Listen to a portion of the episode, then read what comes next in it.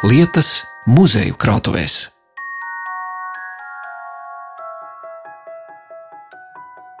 Sveicināti jums saka raidījuma vadītāja Zane Lāce Baltalksne, un šoreiz viesosimies Kuldīgā, kur muzeja krātuvē iepazīsim bronzas laikmetā proces, uzzināsim, kā skan ratalīra un kur pilsētā mužnieku zārks tika izmantots reklāmai. Visas šīs lietas atrodas namā, kur reiz skaitīja, aizdeva un noguldīja naudu. Šī ir banka sēka, ir būvēta ar tādu mērķi. Līdzīgas sēkas ir Cēsīs un Jēkabīlī, jo pēc šīs ēkas projekta ir uzbūvētas arī citas bankas sēkas Latvijā. Nu, tad mēs šo stāstu sasaistām tā, ka banka glabāja materiālas vērtības un muzejs glabā kultūras vērtības. Tad mēs to vērtību glabāšanas stāstu turpinām. Un, uh, lai ēka būtu pieejama sabiedrībai, tāpēc mēs izvēlējāmies šo ceļu, ka pirmais stāvs, kur kādreiz bija arī ieprojektēti dzīvokļi darbiniekiem, tad tur ir tās slēgtās krātuves, un otrajā stāvā top atvērtā krājuma ekspozīcija, lai cilvēki redz, kādas tad vērtības glabā muzejs. Vēsturiskās bankas ēkas otrajā stāvā, kur agrāk atradās klientu apkalpošanas zāle, ir senais interjers, kāds te bija namu uzceļot pagājušā gadsimta 30. gados. Atverot vēsturiskos kases lodziņus, var iepazīt bankas un naudas vēsturi gan pasaules kontekstā, gan arī uzzināt par minēto namu kuldīgā. Aplūkot fotogrāfijas, kad pilsētā Dzirnavu ielā pieci banka vēl nav uzcelta un te aiz žogas lejas ceriņu krūmi, var palasīt dokumentus par to, ka jaunuzceltajā namā 1931. gadā nedarbojās ventilācija, plaisā griesti, Matejā ir neciešama smaka, durvīm trūkst roktura un tam līdzīgi. Kā saka mana sarunu biedrene, Kultūras novada muzeja krājuma un pētniecības nodaļas vadītāja Inna Rozentāle, tad šo ir vērtīgi palasīt tiem cilvēkiem, kuriem šķiet, ka agrāk debesis bija zilākas un zāle zaļāka, lai saprastu, ka visos laikos ļaudis ir satraukušas saimnieciskas nebūšanas bet tā kā daļa krājuma atklātās ekspozīcijas vēl ir tapšanas stadijā un gaida drīzu atvēršanu apmeklētājiem, tad kopā ar Innu Rozentāli iepazīsim krājuma priekšmetus, kas stāsta par kuldīgas senu vēsturi, par agrāku laiku muzicēšanu un par zudušu muiža sēku, no kuras tik saglabājies ir grezns zārks. Ieskatu pilsētas vēsturē sākam ar pastaigu pa imitētu senās kuldīgas ielu. Tas ir ceļš uz Veckuldīgas pilskalnu, kas sākas telpas grīdā un turpinās Reku Veckuldīgas pilskalnu vizualizācijā. Lai es eju te pa akmentiņiem, akmeņiem klāts ceļš, garām daudziem, daudziem arheoloģiskajos izrakumos atrastiem akmens, kaula, krama cirviem, rotas lietām senām, un man pretī stāv senie kuldīdznieki, ja tā var izteikties. Es skatos jā, uz uzzīmētām cilvēku augumā figūrām. Tieši tā, un viņiem zem kājām var apskatīties oriģināls. Tie ir priekšmeti, kas ir atrasti izrakumos Veckuldīgas pilskalnā. Nu, tad, ko mēs arī saistam ar kuldīgas pirmsākumiem? Kā te var lasīt, 12. un 13. gadsimts. Jā, jā šie konkrētie priekšmeti ir no tā laika. Jāsaka, ka Veckuldīgas pilskalns nav saistāms tikai ar kuldīgas pirmsākumiem, bet tas bija tāds nozīmīgs kuršu centrs. Tur ir viens no lielākajiem kuršu pilskalniem ar lielu priekšpili un vēl 9,5 hektārus lielu senpilsētu. Un vēlajam dzelzs laikmetam un viduslaiku sākumam tā ir ļoti liela teritorija. Nu, Tātad tas ir bijis ļoti liels saimnieciskais centrs Ventas krastā, droši vien arī ar ostu. Nu, tad tam Tad, kad krustneši ir uzbūvējuši savu pili te pie Ventas rumbas, kuldīgi ir pārvākusies teikt, pēdiņās uz šo vietu, kur tagad ir vēsturiskais centrs un veckuldīgas pilskalns. Tagad ir tāda skaista glaznaina vieta pastaigām un kur baudīt dabu. Taču krājuma nodaļas vadītāja ir sagatavojusi stāstu par vēl senākiem laikiem Kuldīgas vēsturē. Šī gada pavasarī muzejs tika pie ļoti vērtīga atraduma, kas uziets Ventas krastos. Runa ir par bronzas rotas lietām.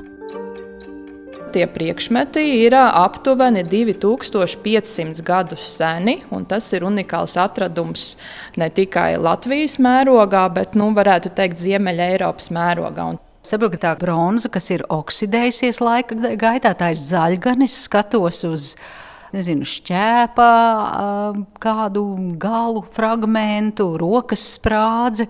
Tā kā radio klausītāji neredz, mēģināšu raksturot.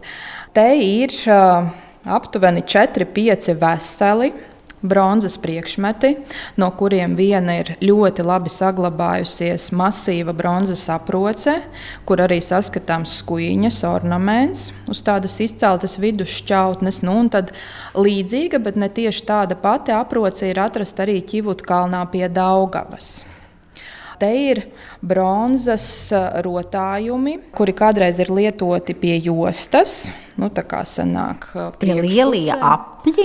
Jā, aptuveni Cik? 15 cm diametrā, kādi 12, 15 cm tādi lieli. Un, ja interesē apskatīties, kā tas varētu izskatīties, līdzīgs ir bijis slavenajai bronzas laikmeta meitenei, kas ir atrasta Dānijā.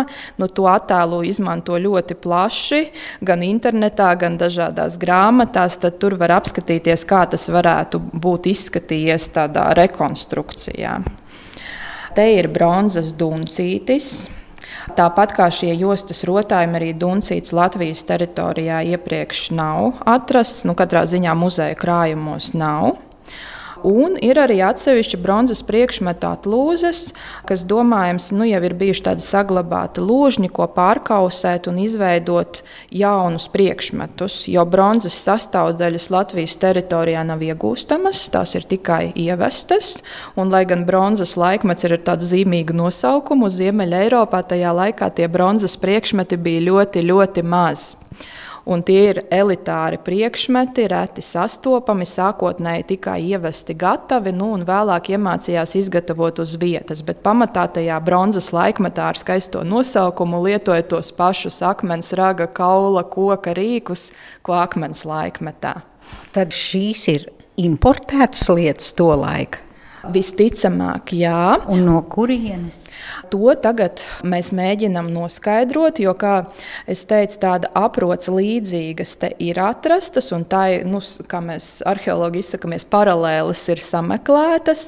Tad tiem priekšmetiem attāli līdzinieki ir atrasti, bet tieši tādus identiskus mums ir jāskatās. Tā kā depozīts ir nesen atnests uz muzeju, un tā kā Latvijas teritorijā tāda priekšmeta nav atrasti, tad vēl ir ko pētīt, lai varētu izdarīt plašākus secinājumus. Es skatos uz to bronzas aproci ļoti masīva, un arī jūs teicāt, tie rotājumi, ko lika pie jostas, tie arī ir milzīgi. Nu, tos jau tad vilka, es pieņemu, kādas augstas kārtas pārstāvji vai pārstāves, un ne jau ikdienā to lietoja, bet godos. Nu, tieši tā, un jāsaka, lai saprastu to kontekstu, pēc bronzas laikmeta pētnieka profesora Andreja Vaska datiem, Igaunijā ir atrasts tikai viens bronzas laikmeta depozīts, nu, tas ir vairāki priekšmeti vienopus. Lietuvā bija divi vai trīs, tagad no galvas nepateikšu, un Latvijā bija kādi pieci, seši. Un bronzas laikmets bija periods no 1800 līdz 500 gadam. Tātad ļoti garš periods, bet mums ir zināmi tikai šādi daži depozīti, jo visi lielie bronzas laikmeta centri bija Skandināvijas dienvidos, tā ir Dānijas teritorija, Centrāla Eiropa. Mēs bijām perifērija. Tāpēc es teicu, nu, ka depozīts ir unikāls un nozīmīgs Ziemeļa Eiropas kontekstā, jo mums tādu ir maz. Un arī šāda tieši tipa priekšmeti nav atrasti vai ir tikai daži līdz šim zināmi skatos tagad uz tām nozaļotajām bronzas jostas dekoratīvajiem fragmentiem. Tie izskatās kā no kafijas vai tējas servīzes, tad normāli lielumā pakštasīts tādi bronzas apļi un uz viena ir tā kā krusts ar nopaļotiem stūriem vai kā nu, krustveida ziets stilizēts. Jā, tieši tā, un tam ir arī pīnas ornaments gar malu un skuiņas, kas varbūt pa gabalu mazāk saskatāmas. Un vēl tajā, kā jūs teicāt, krustveida ziedā, ja tā var izteikties, tur ir tādi koncentriski apli, nu tas tā kā aplīts iekšā aplītī, tie vēl papildina ornamentāciju. Ko tie stāsta, kas ir uzzināts? Paši bronzas uh, rotājumi, kā jūs teicāt, ka viņi atgādina apakštasītes, viņi tik tiešām ir pilnīgi apaļas formas, un tos saista ar saules kultu, kas ir plaši izplatīts bronzas laikmetā visā Eiropā. Jo tas droši vien arī ir redzēts citos Eiropas muzejos, ka ir dažādi bronzas izstrādājumi, kas atgādina šo saules formu, bet ir arī atrasti pilnīgi saules disks ratos, kas jau uzreiz tieši parāda to saules nozīmi un kontekstu. Nu, tad pilnīgi simtprocentīgi par par diviem ar pus tūkstošiem gadiem atpakaļ mēs nevaram teikt, bet pētnieki uzskata, ka šīs jostas rotājums, rotājumi varētu būt saistīti ar saules kultu. Nākamais laika posms, ko iepazīsim kuldīgā, ir viduslaiki. Par to liecina rata līra. Tiesa, konkrētais mūzikas instruments ir izgatavots krietni vēlāk, taču tā aizsākumi ir meklējami Eiropā laika posmā no 10. līdz 13. gadsimtam un pagaidām vienīgais Latvijas teritorijā atrastais vēsturiskais instruments atrodas Kultīgas novada muzeja krājumā. Stāstu turpina Inna Rozentāle. Muzikāls stāsts un atkal unikāls stāsts. Jo, jo mēs lepojamies ar vienu unikālu mūzikas instrumentu, kurš pēc mūzikas instrumentu pētnieka profesora Valda Muktu Pāvela datiem ir vienīgais visās Latvijas muzeja krātuvēs redzamais priekšmets, saglabātais priekšmets, jeb ratu lira. Varētu teikt, ka alta vai ģitāras vecs, vecs, vecs, vecmāmiņa. Jā, mani vienreiz sasmīdināja viena, nu, ja varētu teikt, karikatūra, jo tad, kad vienai māksliniecei pateica, ka ir tāds instruments rata līra, viņa nesaprata, kas tas ir, viņa uzzīmēja tautu meitu, kurai rokā ir uh, ratu ritenis un grieķu līra. Un man tas tā sajūsmināja, ka es tiešām mēģināšu bišķiņu mutiski aprakstīt, kā tā rata līra izskatās. Tas ir no koka izgatavots mūzikas instruments. Tātad korpus ir izgatavots no koka un tik tiešām atgādina čēlu, bet ir krietni mazāks par čēlu. Un tam ir bijis rokturis, kuru griežot, ir iegriezts koka rats, tāpēc ir šāds nosaukums. Un, griežoties ratam, tas ieskandināja stīgas. Stīgas, diemžēl, nav saglabājušās. Uh, bet tālāk mēs redzam tādus kā koka taustiņus, nu, kas atgādina tapiņas. Jā, rindā izkārtots koka taps virs tā instrumenta korpusa, un tās taps ir iestiprināts jā, starp diviem dēlīšiem. Jā, un tad tās tapiņas piespiežot varēja regulēt skanējumu augstumu. Savukārt, reku var redzēt vēl trīs tālāk galā tapiņas, līdzīgi kā citiem stīgu instrumentiem, tad ar tiem varēja noskaņot tās stīgas. Tad jautājums, rata līnija saistība ar kuldīgu un kurš laika posms tas ir? Nu, tad pastāstīšu bišķi plašāku stāstu, jo šis priekšmets ir vēl viens, kas ir saistīts ar kuldīgu, bet ir skatāms plašākā Eiropas kontekstā. Jo vispār rata līnijas Eiropā ir zināmas kopš 12. gadsimta, bet šī ir krietni, krietni jaunāka. Tas ir 19. gadsimta pēdējais ceturksnis. Tās ir bijušas populāras, bet tikai zemākajos sabiedrības slāņos. Un kas vēl ir interesanti, ka, ja piemēram te blakus stāv arī koklis, koklis spēlēja pamatā vīrieši, tad rata līras spēlēja arī sievietes un mēdza spēlēt arī bērni. Jo atšķirībā no violas, rata līru ir vieglāk iemācīties spēlēt. Tad tur tu griež to roku turi. Jā, un jāiemācās attiecīgi panākt to dažādu augstumu ar tie piespiežot tos taustiņus.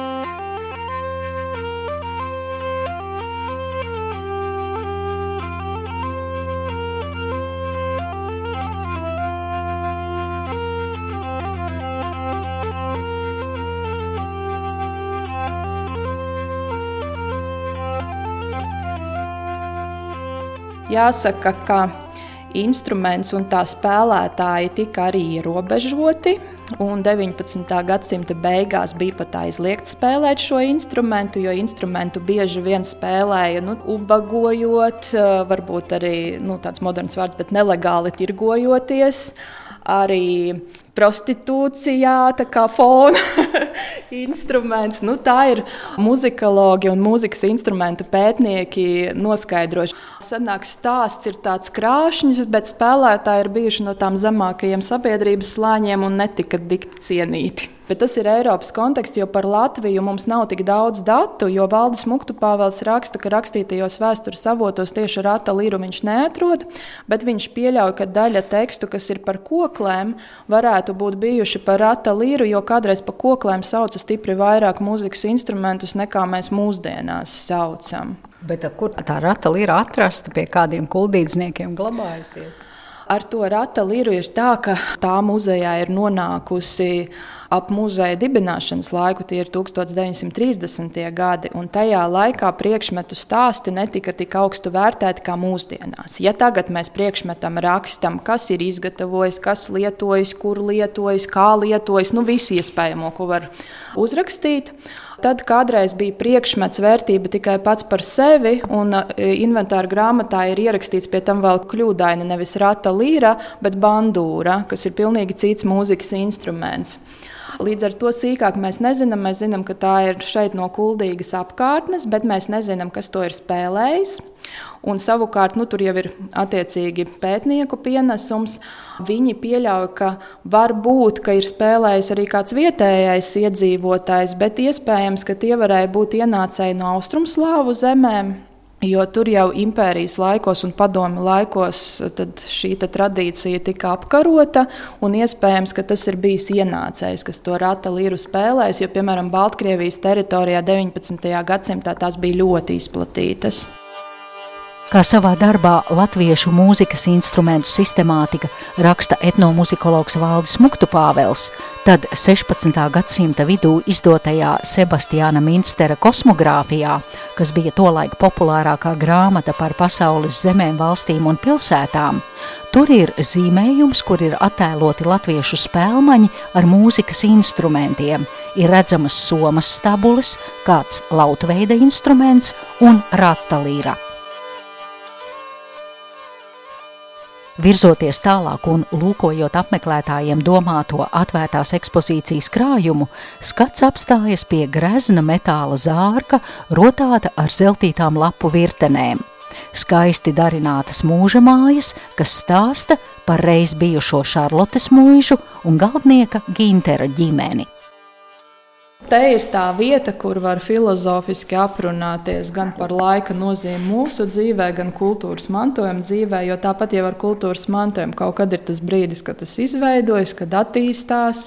Nu, un kaut kad kaut kas no tā arī iet bojā. Un kāda ir mūsu loma un ko mēs varam darīt, lai vismaz daļu no tā visa varētu saglabāt. Mans pēdējais stāsts arī ir par zārku, jo vēl neviens cilvēks nav pagājis viņam garām, lai neuzdotu jautājumus. Tad mēs skatāmies, tas ir no koka krāsots. Tas ir tik tiešām no koka un apvilkts ar ļoti, ļoti plānu metāla skārdu. Un zārkam ir astoņi rokturi. Kā pētnieki uzsver, ka tas uh, vien parāda greznību šim priekšmetam, jo parasti esot seši. Un uh, te arī ir lapu virteņu rotājumi, uh, Nu, vārdu sakot, tas ir ļoti grāzns priekšmets, kas raksturo 19. gadsimta mužnieku abadīšanas tradīcijas. Bet kāpēc man gribējās pastāstīt par šo priekšmetu? Nevien tāpēc, ka visi uzdod jautājumus, bet tāpēc, ka tas ir tāds skaists piemērs, kā priekšmets apauga ar stāstiem, vai kā mēs pēc priekšmeta varam tos stāstus atkal attainot, vai saprast, vai vizualizēt, kā nu kurš cilvēks. Tad stāsts sākas ar to, ka tas ir atradies Šarlotas mūžas kapličā, Šarlotas mūža ir kādreiz atradusies Kuldīgā pie Māras dīķa, bet tā ir tā viena no retajām celtnēm, kas pasaules kara laikā ir aizgājusi bojā. Kuldīgā ir ļoti paveicies. Pirmā pasaules kara. Otrajā. Un ļoti maz kas ir sapostīts, bet nu, Šarlotas mūža ir viena no tām celtnēm, kas ir aizgājusi bojā, bet kapliča ir saglabājusies līdz mūsdienām. Un kādreiz tur ir saimniekojuši Fonklēsti, bet, kad uh, izveidojās Latvijas valsts, šo mūžu pārpilka tūku fabrikas īpašnieks Artūrs Vintelers, un viņš kapličā atrada šo zārku. Zārks bija tukšs. Tas ir viens svarīgs jautājums, vai tur kāds ir. Nē, tur neviena nav. Arī nav bijis. Bet viņam zārks nav bijis vajadzīgs, un viņš to pārdeva vietējam galdniekam. Ko izdarīja galdnieks? Viņš šo zārku eksponēja savas galdniecības skatlogā, tepat dažus kvartālus no tās ēkas, kur mēs šobrīd atrodamies. Tātad tas ir papildinājis Kuldīgas pilsētvidi 1920. un 30. gados. Tā tiešā veidā bija reklāmzārks. Ar to stāsts nebeidzās. Jo šis galdnieks, Fricis Ginters un viņa bērni un jau mazbērni sāka šo zārku uztvert kā tādu savā ziņā dzimtas relikviju. Viņi apzinīgi visus padomu laikus šo zārku ir glabājuši dažādās vietās, Kuldīgā. Bet nu, apstākļi ir bijuši dažādi, un līdz ar to tas bija ļoti, ļoti slikti saglabājies. Tā koksne iekšpusē bija satrupējusi un cietusi. Un tad, kad 2013. gadā to nodeva muzejam, nu, tad tika meklētas iespējas, un zārks ir nesen restaurēts. Jo, nu, ja tas nebūtu saglabāts, tad ņemot vērā, ka tas visa koksne iekšpusē ir satrupējis, tad arī tā metāla plānā loksne deformējas, un tad nu, visticamāk tas nebūtu saglabājies vairs ilgi. Nu, tagad zārks ir restaurēts un var stāstīt savu stāstu, un tas stāsts var veidoties tālāk. Un tad šis ir vēl viens piemērs tam, kāpēc ir svarīgi, ka krājumā nav tikai atsevišķs priekšmets. Jo šis ir vienīgais lietiskais priekšmets, kas ir saglabājis no Šarlotas mūžas. Bet mums krājumā ir arī zīmējumi, ir fotografijas, ir arī galdnieka ģimenes fotografijas, kas veido to kopējo ainu. Zārks ir tiešām iespaidīgs. Nu, es domāju, ka tāda kuldīga saburtā princese, ērkšķrozīte vai saucerīte mm, ar prieku varētu atdusēties. Tās ķepas tam zārkam, nu, tādās klasicisma stilā veidotas, tā kā tādas, nezinu, lapiņas, ne lapas izliektas. Mm. Tas vāks ir ļoti, ļoti augsts. Un visi tie rokturi arī ir ļoti grezni, jā, ar rotājumiem, tās lapu vītnes. Nu, to mēs visu redzam pateicoties restauratoriem, jo muzeja krājuma saglabāšana nav iespējama bez restauratoriem. Un tā kā zārks no apbedīšanas priekšmeta kļuva par reklāmas zārku un par dzimtas relikviju, tad mums ir arī fotografijas no pašas dzimtas. Te ir Fricis Ginters, galdnieks ar savu dēlu un meitu un darbiniekiem. Redzams tieši tās galdniecības tā pieejas, varētu teikt kungs ap gadiem 50, 60, cepura nagu. Tad tie darbinieki un, un viņa divas atvases tur ir līdzās. Jā, nu, tā tas papildus veidojās. Ne tikai tas pats priekšmets ir svarīgs pats par sevi, bet stāsts, jo katru priekšmetu pārcelājot, jūs jau redzat, ka katram priekšmetam ir tas stāsts, kas veido to kopējo kuldīgas un kuldīgas novada vēsturi, ko tā kā tādus puzles gabaliņus ir iespējams salikt kopā. Fotogrāfijas par raidījumā minētajiem priekšmetiem varat aplūkot mūsu radio interneta mājaslapā pie šī raidījuma apraksta, bet iesaku arī pašiem aizbraukt uz Kultīgas novada muzeja krātuvi Dzirnavu ielā 5, apskatīt vēsturisko bankas ēku un turpat arī iepazīt pilsētas vēsturi caur daudz un dažādiem priekšmetiem un to stāstiem. Paldies par šo stāstījumu, saku Kultūras novada muzeja krājuma un pētniecības nodaļas vadītājai Innai Rozentālei. Raidījumu veidoja Zane Lāce Baltāksne.